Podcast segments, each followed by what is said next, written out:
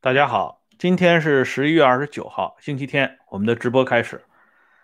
在直播之前，我先说一个事儿啊。昨天有的网友看了节目以后啊，他就提出来，他说：“你讲啊，这个蒋介石那个时候要搞三峡工程，哪有这种事情？”所以，我希望啊，提出这种问题的朋友应该去看一下钱昌照的回忆录，在这一本一九九八年。版本的中国文史出版社出版的这本书里边，钱昌照向我们详细介绍了当时国民政府要上马三峡工程的过程。其中呢，美国方面派来特使就是纳尔逊来华，蒋介石请纳尔逊吃饭，在座的是宋子文和钱昌照，所以钱昌照回忆说。蒋介石当时跟纳尔逊说的很清楚，他说：“你回到美国以后，请向总统先生报告，如果这个工程一旦告成，我们将给他取名为罗斯罗斯福水坝。”啊，这个纳尔逊回去还真的向美国政府进行了报告。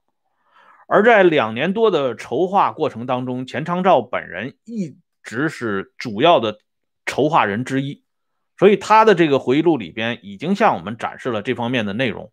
你只要去买一本这方面的书，你看一下就知道了。所以有很多事情，不要自己没有见过就轻易下结论啊。还有的呢，就是昨天在讲到某位夫人的时候，有的网友一直在追问啊，这个人是谁？你为什么吞吞吐吐，语言不详？要知道这个历史啊，在研究历史的过程当中，在叙述历史的过程当中，它通常是有两种方式，一种是纸笔。一种是曲笔，啊，昨天的节目里呢，我采用的就是曲笔的方式，而且这个人到底是谁不难查证。啊，不一定要把饭直接喂到你嘴里，你至少咱们说以前中国人讲吃，这个人呢特别懒，以至于吃那个大圈饼，大圈饼吃的时候你还要低一下脑袋，对吧？还要把舌头伸出去，把牙齿伸出去，对吧？那么这个事情你自己去翻翻书，就很容易查证到，而不必一再的去追问这个人到底是谁。这个节目啊，说白了，不是给，不是给你搞科普的，啊，是要在一定基础上督促你去读书，去独立思考。如果没有这个前提，没有这个基础，那咱们就不用继续聊了。好了。今天呢，我们要讲的一个重要的话题，就是承接昨天没有结束的内容，就是这三门峡的工程，它到底是一个什么概念？当年在建三门峡的时候，黄万里，我们都知道黄炎培先生的呃公子黄万里老先生，他就提到两点，他说，第一个，三门峡水库建成以后，很快就会被泥沙淤积，这是第一个危险。第二个，所谓“圣人出黄河清”，这是根本没有任何依据的啊，这种传说。而黄万里的这番话没有阻止三门峡工程的上马，而当三门峡工程上马之后，黄万里的担心全变成了现实。比如说，河床开始出现翘尾巴，就是泥沙淤积向上游延伸，这样呢，就严重威胁到西安。以及以西安为中心的工业基地，而从来没有过啊大规模灾患的关中平原，因为三门峡的上马，迎来了人为的危害，这个后果是非常呃吓人的，以至于呢，当时国务院派去视察的高级领导干部当场掉眼泪，啊，说了一句话。说国家真对不起你们，啊，这就是在周恩来主持下的三门峡工程给大家造成的这个情况，而三门峡工程接下来是什么概念呢？整个啊，这个关中平原和西安，如果听任三门峡工程继续发展下去。那它必然被完全毁掉，所以这件事情在当时引起了极大的震动，而周恩来自己他也坐不住了。问题是，他坐不住之后，他的表演是什么？啊，我们来看一下官方出版的《周恩来选集》下卷，这里边有周恩来的一篇重要讲话，在六十年代中期十二月十八号治理黄河会议上的讲话。你看啊，周恩来是这么讲的，他说：“搞三门峡枢纽工程，做的是全对还是全不对？”对的多还是对的少？我看不要过早的下结论，只要有利于社会主义建设，各种不同意见都是允许发表的。我们要有这样的雄心壮志啊！就是说，你在这种非常技术含量很高的会议上说这种片汤的话，有什么意思呢？啊，就像我爱我家里边。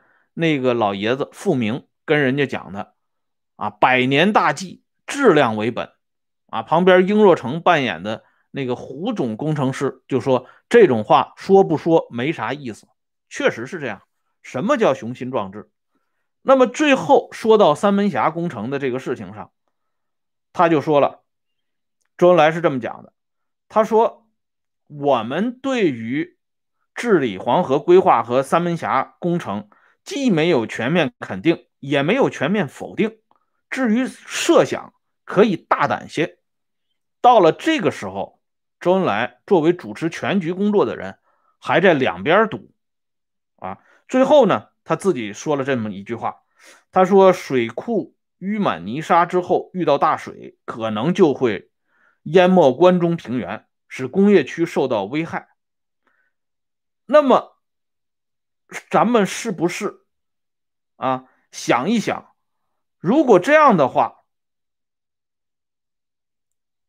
不如就把三门峡这个大坝炸掉。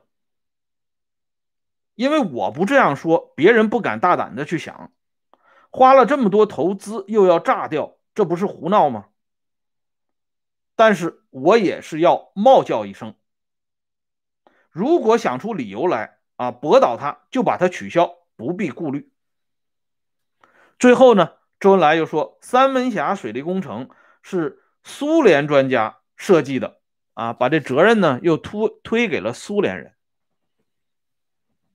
这就是周恩来在他的选集当中的这段讲话，就可以让我们看到这个人，他在一九五五年的时候，信誓旦旦的告诉大家。三门峡工程建成以后，六年之后，大家可以看到圣人出而黄河清。而到了三门峡工程完成之后的六十年代中期，他居然首先提出来要把三门峡炸掉，不行了。这种出尔反尔，拿这个国家的重大工程建设当成儿戏的事情，我们往往是能够从这个。啊，书里边呢，从新闻媒体上看到是那些贪官污吏们经常干的事情，可是这个事情居然就发生在这个鞠躬尽瘁、死而后已的周恩来身上。那么到了一九六九年，文化大革命如火如荼之际，三门峡的事情啊，再一次发酵，就是当时西安市告急，那么周恩来一看这情况特别危险，马上。委托刘建勋和季登奎召开四个省的治黄会议，商量对策。这样呢，提出一个原则，就是为确保西安、确保下游的前提下，打开一到八号导流底孔。这实际上就等于从根本上把这个三门峡工程给否定了。花了六七年的时间，大量的人力物力。最后建成了这么一个烂尾工程，而且由于这个烂尾工程给大家平添了诸多的危害，现在呢又不得不出面去把它这个屁股呢擦干净啊，这就是周恩来干的事儿。但是周本人并没有从三门峡这件事情上吸取任何教训，也是在一九六九年，水电部和当地的省革命委员会以及大军区。给毛泽东去了一个报告，说我们在这个时候应该把三峡建起来。毛泽东当时做了一个批示，说在目前备战时期，不宜做此想法，就是把水电部和这个大军区和当地的省革委会的建议给否决了。按说毛泽东当在一九六九年那是如日中天，一言九鼎啊，号称一句顶一万句。他否决的事情，没有人再敢涉及了。但是周恩来不死心啊！一九六九年否决的事事情，到一九七零年，周恩来又有反复。周恩来为什么他不死心？难道是周恩来要跟伟大领袖抗衡吗？不是，他是摸准了伟大领袖的脾气啊！领袖发动这场大革命，可以说是旷古绝代。一定要搞出重大的动静，那么这个重大的动静不仅是在政政治层面上，更主要的是在经济层面上也要搞出一个大动作，这样呢让大家心服口服，觉得正是有了这场天翻地覆的大革命，我们才看到了啊新貌换旧颜。所以在一九七零年三月，周恩来在北京饭店召开五年计划会议的时候，他在会上有这么一番。表演啊！我给大家看一下这个出处。这个出处呢是二零零九年百年朝核定本啊，这个核定本就是不宜看啊。核定本的第十一期上边发表了一个叫魏廷征的人的文章。这个魏廷征是谁呢？就是长江水利委员会主任林一山的秘书。所以他的这个回忆呢就比较直接，也比较比较真实。他的回忆。是这么说的，他说周恩来当时在会上是这么表示的，他说长江三峡工程是主席的伟大理想，我们一定要抓紧，不能耽误了这个事情。如果我们不能让主席在他有生之年看到工程的开工建设，我们将对不起党，对不起人民，对不起主席，三个对不起。周恩来的原话。这个时候呢？国家纪委副主任顾明就提醒周恩来说：“这个三峡确实列入计划了，为了实现主席的伟大的革命理想和宏图。可是林副主席不同意，这就是今天咱们这个题目里边提到的林彪坚决反对三峡工程上马。林彪在党史上边是一个被批臭了的人物，而且这个人呢，应该说在历史上。”他对毛亦步亦趋，这个人从本质上讲与毛并无太大的实质性区别。可是一个人，哪怕他做了九十九件坏事只做了一件好事我们也要在历史上边如实的把它记录下来，否则的话，这个历史就不是历史了，成了家谱了。啊，林彪当然干过很多坏事这是不容置疑的。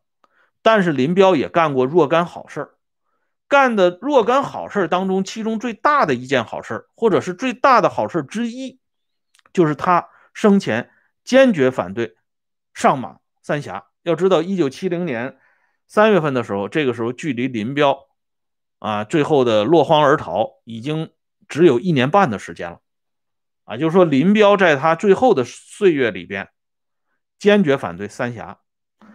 林彪的理由就是，三峡大坝建成以后，如果遭遇战争、遭遇突发情况，那么它是一个很大的包袱啊！因为林彪不可能每个行业、每个领域他都精通，他最熟悉的就是战争、军事嘛，所以他是纯纯军事角度来谈这个问题的。不管林彪的动机。还是目的到底是什么样？他对三峡的否定应该说是大功一件，值得一书。而相反呢，周恩来在这个问题上继续做他的努力。他一看毛泽东对这件事情做了批示了啊，对这个事情没有太大的热情。那林副统帅又反对，怎么办呢？他采取了一种迂回的方式。先不搞三三峡，搞什么呢？搞葛洲坝。原来搞了丹江口，那么现在呢，再搞一个葛洲坝。这两个条件成熟之后，再把三峡推出来。所以三峡这件事情到了上个世纪八十年代末九十年代初，在探讨的时候，有一位著名的老一辈无产阶级革命家当场说过这句话。他说：“三峡如果不上马，恩来在天之灵都不会瞑目。”后来三峡终于上马了，啊，这老一辈无产阶级革命家得到这个准确的消息之后，啊，非常欣慰啊，因为他觉得恩来同志终于可以闭上眼了。那周恩来可以闭上眼了，啊，中国人能闭上眼吗？三峡给这个中国的呃历史、现实乃至未来，究竟带来什么样的影响？带来一个什么样的包袱？我相信，稍微有点常识、有点良知和底线的人都很清楚。那么，这个周恩来一直在推崇的葛洲坝工程，它是一个什么样的工程？这里呢，我给大家看一本书，这是由李南央主编的《三峡》这本书编的非常好，它收录了。所有关于三峡工程的反对意见啊，不同的声音。如果当年这些不同的声音能够有幸成为主流的话，我们今天看不到这个悲剧的延伸。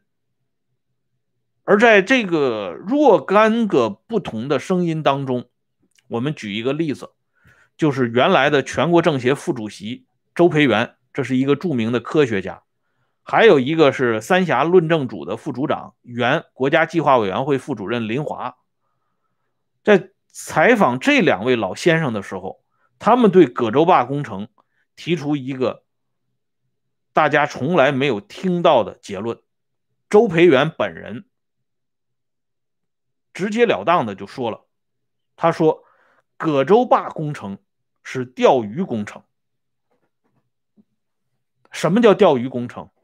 这周培源给大家解释的很清楚，他说：“打个比方，这个工程，比如说预算，公开的讲说需要三百亿，实际上在内部里边就是三百六十一个亿，多出来这六十一个亿。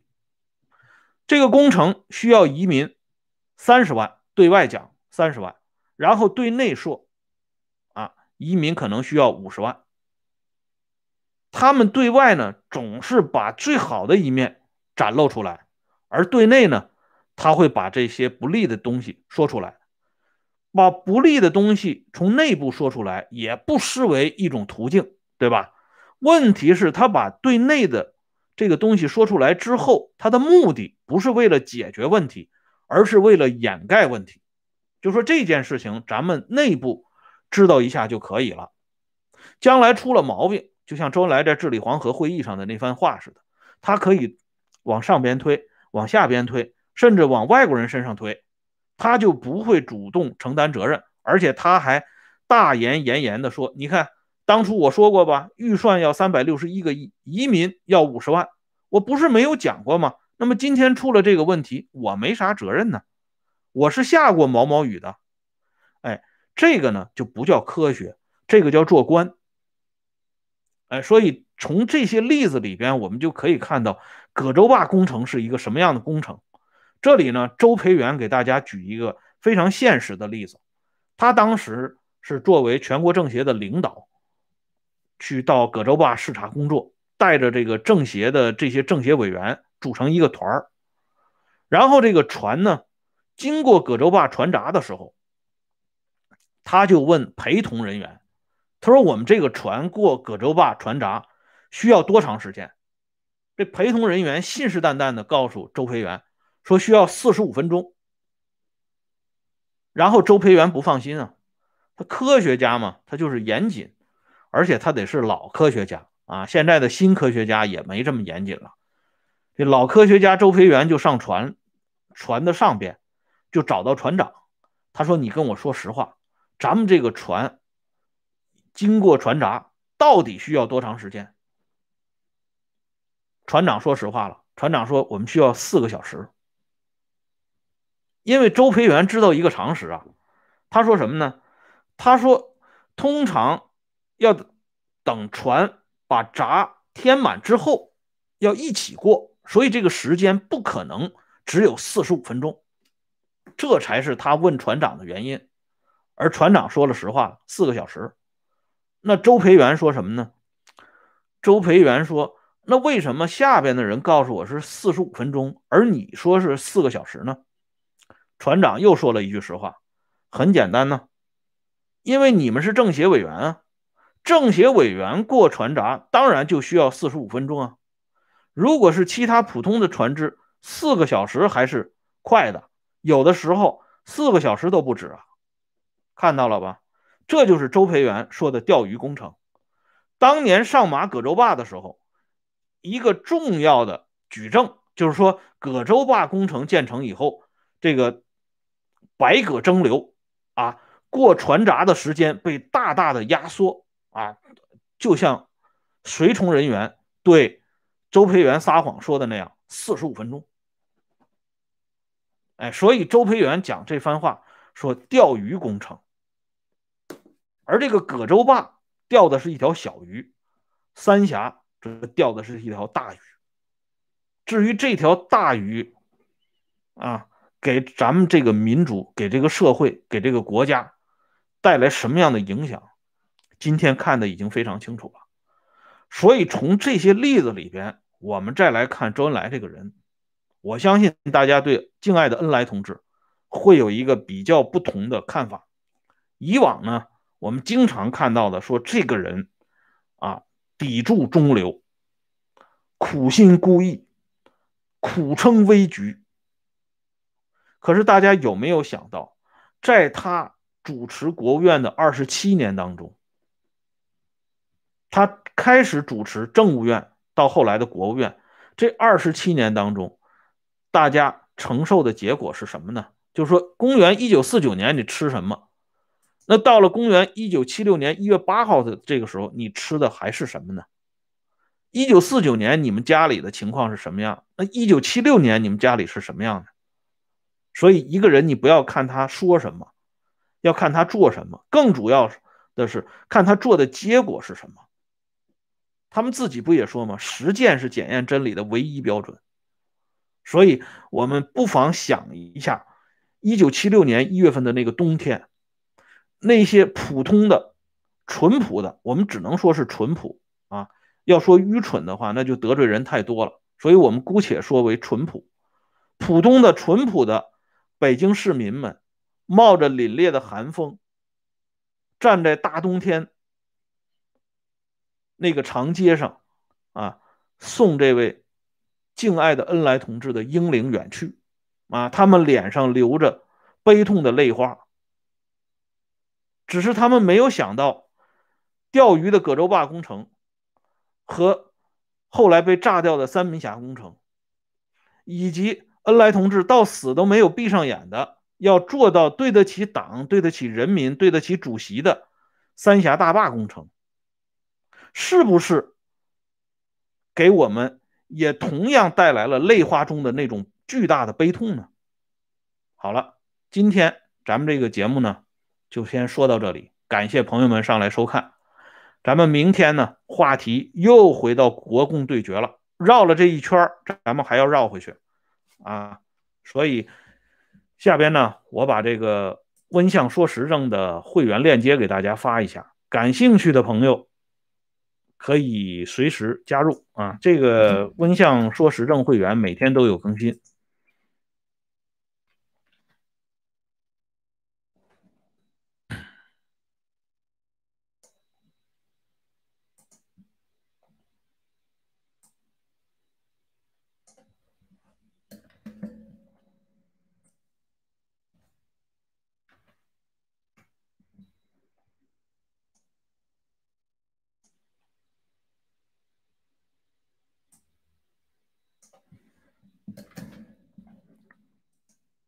还有一件事情啊，跟大家通知一下，今天晚上八点钟，也就是国内啊星期一早晨九点啊，这个李肃对话温相，讲一下晚年王光美的一些故事啊，欢迎大家届时呢愿意参与的朋友可以上线收看啊，我们一起互动，好吧？